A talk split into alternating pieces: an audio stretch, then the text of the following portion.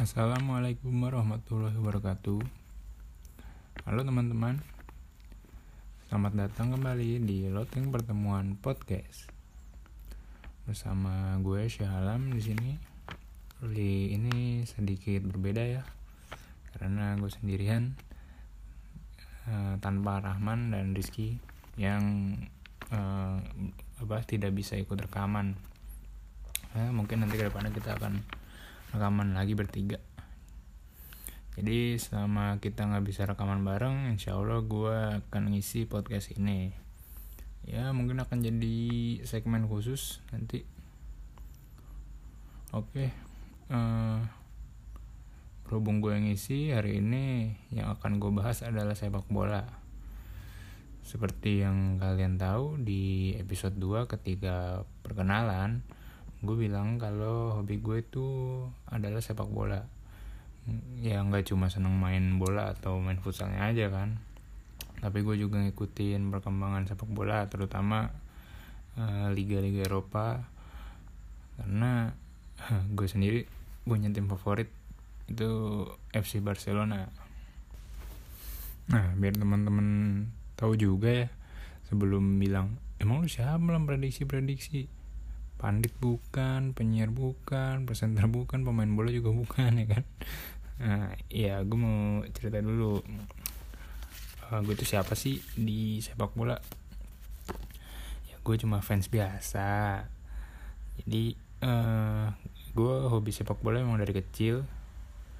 Tapi uh, mulai nonton itu ya tahun 2004 2005 udah mulai mulai nonton bola tapi memang masih jarang banget karena ya masa ya waktu kecil kan nggak boleh begadang gue kan? Nah tahu sendiri bola-bola Eropa tuh mainnya jam berapa? Dulu gue senang sama mm, Liverpool. Pas era-eranya Steven Gerrard terus ada Sabi Alonso. Nah pas di situ tuh. Kemudian singkat cerita tahun 2000 9 lah. Nah di situ baru mulai tuh sering nonton bola. Dan di situ uh, mulailah juga gue suka uh, Barcelona. Karena jujur aja karena Messi-nya sih. Awalnya ngeliat Messi uh, apa ya dia pemain yang simple tapi uh, susah dihentikan gitu kan. Karena selama ini uh, dulu tuh gue mikir pemain jago tuh kakinya mesti ngelingkar-lingkar gitu apa nyilang-nyilang gitu kan kalau gue cek. Ya ternyata eh, Messi menunjukkan bahwa sepak bola simpel juga bisa eh, apa ya menaklukkan dunia sepak bola dunia. Eh dunia sepak bola dunia apa? Maksudnya eh, menaklukkan lawan-lawannya gitu kan. Eh, dan tahun 2009 ada 2009 tadi uh, berlanjut ke 2010 di puncaknya itu Piala Dunia. Dari situ udah semakin ngikutin bola tuh mulai seneng. Makin suka dengan Barca yang uh, permainannya mengandalkan uh, tiki takanya kan ball possession situ juga uh, muncullah idola-idola gue yang baru. Kayak Iniesta saat itu. Nah, menurut gue juga Iniesta nih pemain yang luar biasa ya. Dia mirip-mirip uh, gaya main Messi. Ya bedanya kalau Messi punya speed punya uh, body balance yang oke okay. tapi ini Iniesta juga punya dribbling yang bagus passing akurat juga kreativitas yang hampir sama dengan Messi. Uh, terus gue tuh mulai bisa kayak sok-sok memprediksi apa menganalisa pertandingan tuh tahun 2012 tahun 2012 udah mulai tuh kalau ngobrol sama teman kayak uh, eh pemain yang ini uh, harusnya nggak usah dibeli ya gitu kan. Atau uh, strikernya bukan si ini nih harusnya. Harusnya baiknya jangan dia nih uh, jelek gitu kan. Ya udah mulai gitu deh sok-sok memprediksi terus menganalisa pertandingan yang ada saat itu hmm. nah uh, hari ini gue mau ngebahas mengenai peluang Barcelona untuk treble winner pada musim ini karena yang kita tahu Barcelona itu pernah treble tahun 2008 2009 terus yang kedua 2014 2015 dan uh, musim ini di 2018 2019 Barcelona memiliki peluang sama. Karena masih uh, ad, uh, Barcelona masih berada dalam tiga kompetisi. BTW gue ngerekam ini tanggal 19 April 2019 dan saat ini Barcelona di La Liga masih memimpin di puncak klasemen dengan 74 poin. Unggul 9 poin dari Atletico Madrid di peringkat kedua dengan 65 poin. Dan di peringkat ketiga ada Real Madrid dengan 61 poin. Tapi terlepas dari semua keunggulan poin yang cukup jauh tadi, Barcelona musim ini terbilang cukup beruntung menurut gua. Karena musim ini rival-rivalnya tuh di La Liga banyak yang tidak stabil. Kayak Real Madrid yang diting baru ditinggal Cristiano Ronaldo uh, awal musim kemarin uh, juga ditinggal Zinedine Zidane yang pada akhirnya kembali lagi sekarang menukangi Real Madrid. Kemudian Atletico Madrid Sevilla juga uh, kayaknya nggak konsisten musim ini apa nggak konsisten musim ini kan um, Selain itu Barcelona musim ini udah seri sampai 8 kali di Liga dan kalah dua kali. Dan jumlah serinya itu sama kayak Atletico Madrid. Yang di mana menurut gue ini uh, kalau tim-tim kayak Atletico Madrid dan Real Madrid lagi on fire, ya Barca bisa aja di uh, ada di peringkat tiga saat ini. Cuma ya tadi gue bilang musim ini musim yang uh, apa ya menguntungkan lah untuk Barcelona gitu kan. Di mana rival-rivalnya tidak terlalu merepotkan. Padahal skuad Barcelona musim ini tuh cukup bagus untuk uh, unggul lebih jauh menurut gue tapi gue nggak tahu kenapa di bawah Valverde Barca tuh uh, jadi lebih berbeda gaya mainnya. Malah cenderung bertahan. Emang sih jujur aja. Gue kurang suka sama Ernesto Valverde dari musim lalu. Uh, jadi Valverde ini udah menukangi Barcelona hampir dua musim ya. Dan uh, puncak ketidaksukaan gue sama si Om ini si Valverde.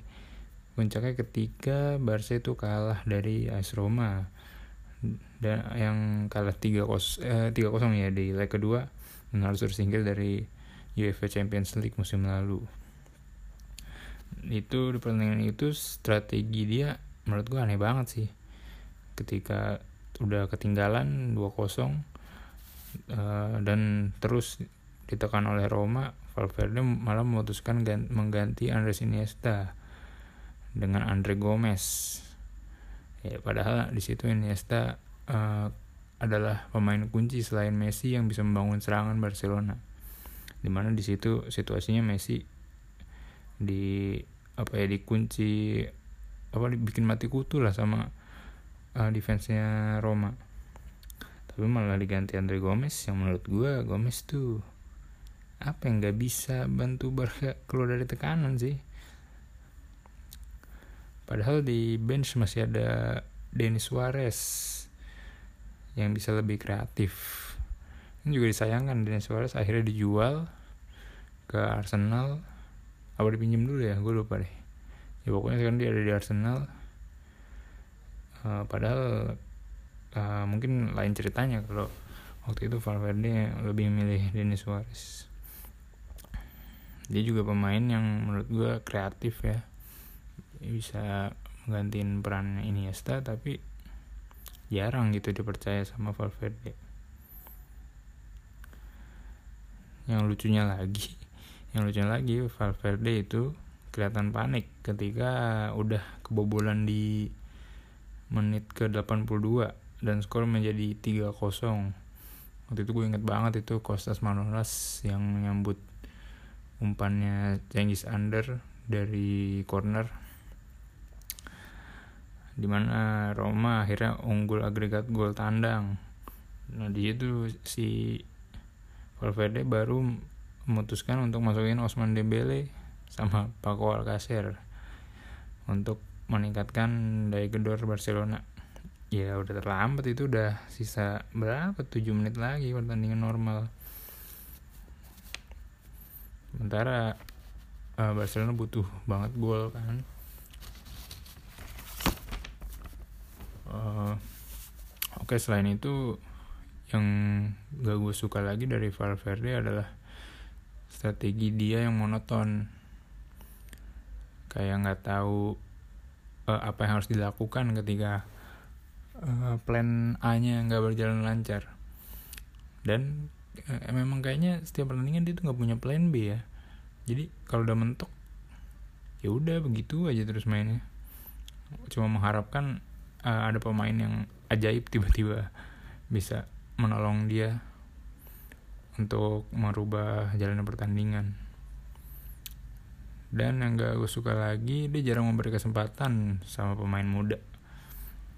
Yang kita tahu Barca uh, sekarang punya pemain muda seperti Charles Alenya, terus Ricky Puig, uh, terus Malcolm. Yang bahkan Malcolm ini belinya rebutan sama Roma. Yang di mana waktu itu Roma udah deal ya sama Malcolm. Udah tinggal terbang aja tuh tinggal tanda tangan kontrak. Eh di tikung sama Barca. Waktu itu sih gue senang-senang aja karena menurut gue Malcolm ini punya potensi yang bagus ya tapi di sisi lain gue juga bingung karena di posisi dia itu udah ada Osman Dembele dan Coutinho. Ya terang aja. Jadi dia sekarang lebih sering duduk di bangku cadangan. Nah uh, tadi ngomongin Coutinho yang gue heran juga Valverde lebih seneng uh, apa ya lebih seneng naruh Coutinho itu di sisi kiri atau left wing.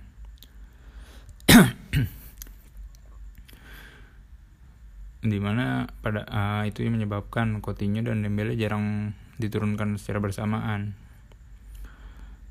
Ya secara otomatis kalau Coutinho ada di uh, left wing, kalau si Valverde mau mainin Dembele, Coutinho harus dikorbanin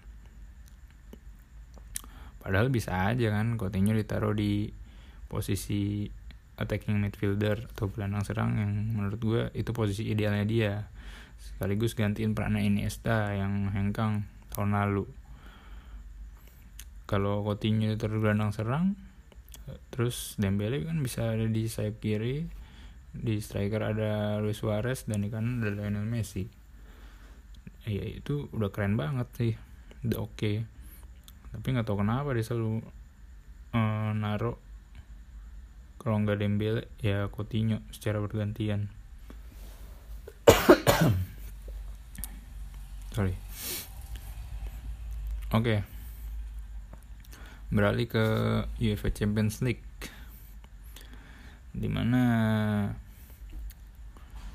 uh, sudah bisa dipastikan tim-tim yang lolos ke semifinal yaitu ada Tottenham Hotspur yang akan bertemu dengan Ajax Amsterdam dan tentunya Barcelona yang akan bertemu Liverpool.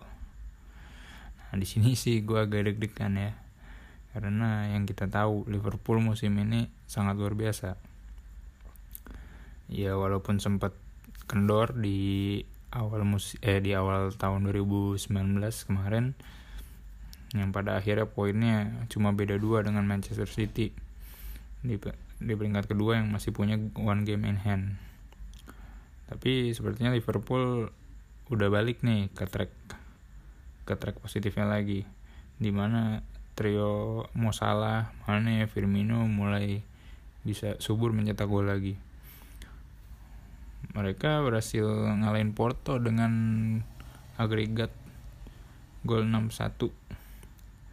Selain itu di barisan belakang Liverpool juga uh, sangat luar biasa. Sudah ada Virgil van Dijk Andre Robertson dan Alexander Arnold. Yang tadi gue lihat di di mana ya? Uh, di sosmed. Statistik mereka juga luar biasa ya. Uh, uh, gue lihat juga tadi si Robertson itu udah nyumbang 9 assist kalau nggak salah Van Dijk juga beberapa gol dan beberapa assist. Alexander Arnold juga demikian. Ya itu padahal be baru backnya mereka gitu kan. Udah segitu seremnya gitu. Uh, uh, ditambah lagi juga dengan kipernya Alisson Becker yang uh, saat Barcelona kalah lawan Roma yang tadi gue bahas kiper uh, kiper uh, Alisson Becker adalah kiper yang sama ketika Barcelona kalah dari AS Roma. Mungkin ini akan menyulitkan Messi dan Suarez ya untuk mencetak gol. Selain itu, tekanan akan berada juga kepada Coutinho dan Suarez, di mana yang kita tahu mereka adalah mantan pemain dari Liverpool, terutama Coutinho yang baru hengkang tahun lalu. Di mana ketika itu banyak fans yang kecewa dengan Coutinho ya ya mungkin aja nanti bakal ada bu buat Coutinho. Kita lihat apakah si Coutinho dapat uh, mengatasi tekanan dari supporter mantan timnya ini. Tapi Barcelona menurut gue belakangan ini ya mulai menemukan jalannya lagi ya. Meskipun masih sangat bergantung dengan Messi yang sering jadi penentu di permainan Bar Barca. Mungkin statement haters Barca zaman dulu ya yang sering kita dengar kalau uh, ah Barcelona tanpa Messi bisa apa gitu kan. Kali ini mungkin benar ya dan gue pun setuju karena Barca tanpa Messi seakan-akan kehilangan arah bahkan kesulitan membangun serangan dan ya cuma muter-muter aja di lini tengah terus passing lagi ke belakang. Kayak nggak bisa nerobos ke depan gitu kan. Nggak ada chance creator di uh, nggak ada jembatan juga nggak ada jembatan antara uh, lini depan dengan lini tengah. Nah kalau udah mentok gitu ya tentunya strategi Andalan Valverde adalah masuk masukin Messi. Meskipun misalnya Messi sengaja diistirahatkan dan ditaruh di bench kalau misalnya dia terdesak ya mau nggak mau dinurunin Messi lagi deh ujung-ujungnya. Jadi menurut gue si Valverde ini kenapa diperpanjang kontraknya? Yang sebagian fans Barcelona juga nggak setuju dengan keputusan manajemen Barcelona ini. Mungkin karena dia selalu diselamatkan Messi jadi terlihat si Valverde ini selalu berhasil menangani Barcelona. Padahal enggak dan uh, kemudian kalau Barca berhasil lolos ke final uh, final UCL musim ini mereka akan bertemu antara Ajax atau Tottenham Hotspur. Nah, kalau gue sih di sini nggak terlalu khawatir ya, meskipun itu final. Ya, kita tahu final itu selalu menegangkan. Karena secara mental Barcelona uh, Barcelona atau Liverpool lebih unggul dari semifinalis yang lainnya kayak Spurs atau Ajax. Meskipun uh, kita tahu kemarin Spurs secara mengejutkan berhasil menyingkirkan Manchester City dengan thriller golnya uh, berapa kemarin 4 4 3 ya yang 4 3 atau 4 2 ya, ya uh, sempat menggunakan VAR beberapa kali kan dan Ajax juga musim ini luar biasa. Mendapat menyingkirkan Real Madrid juara bertahan dan Juventus. Jadi menurut gue tantangan terbesarnya sih sebenarnya masih di Liverpool. Jadi kalau Barcelona bisa ngatasin Liverpool terutama di Anfield ya bukan nggak mungkin bakal juara UEFA Champions League ya apakah Barca bisa menghentikan trio Salah, Mane, Firmino? Kita lihat nanti.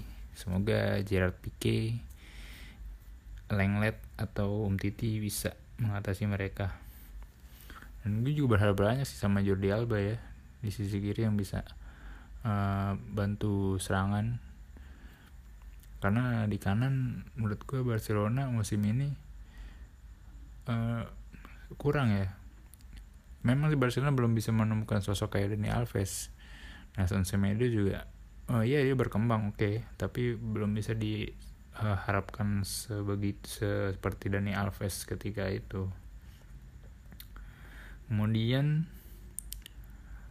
pelengkap Barcelona untuk treble winners itu ada di final Copa del Rey yang akan bertemu Valencia.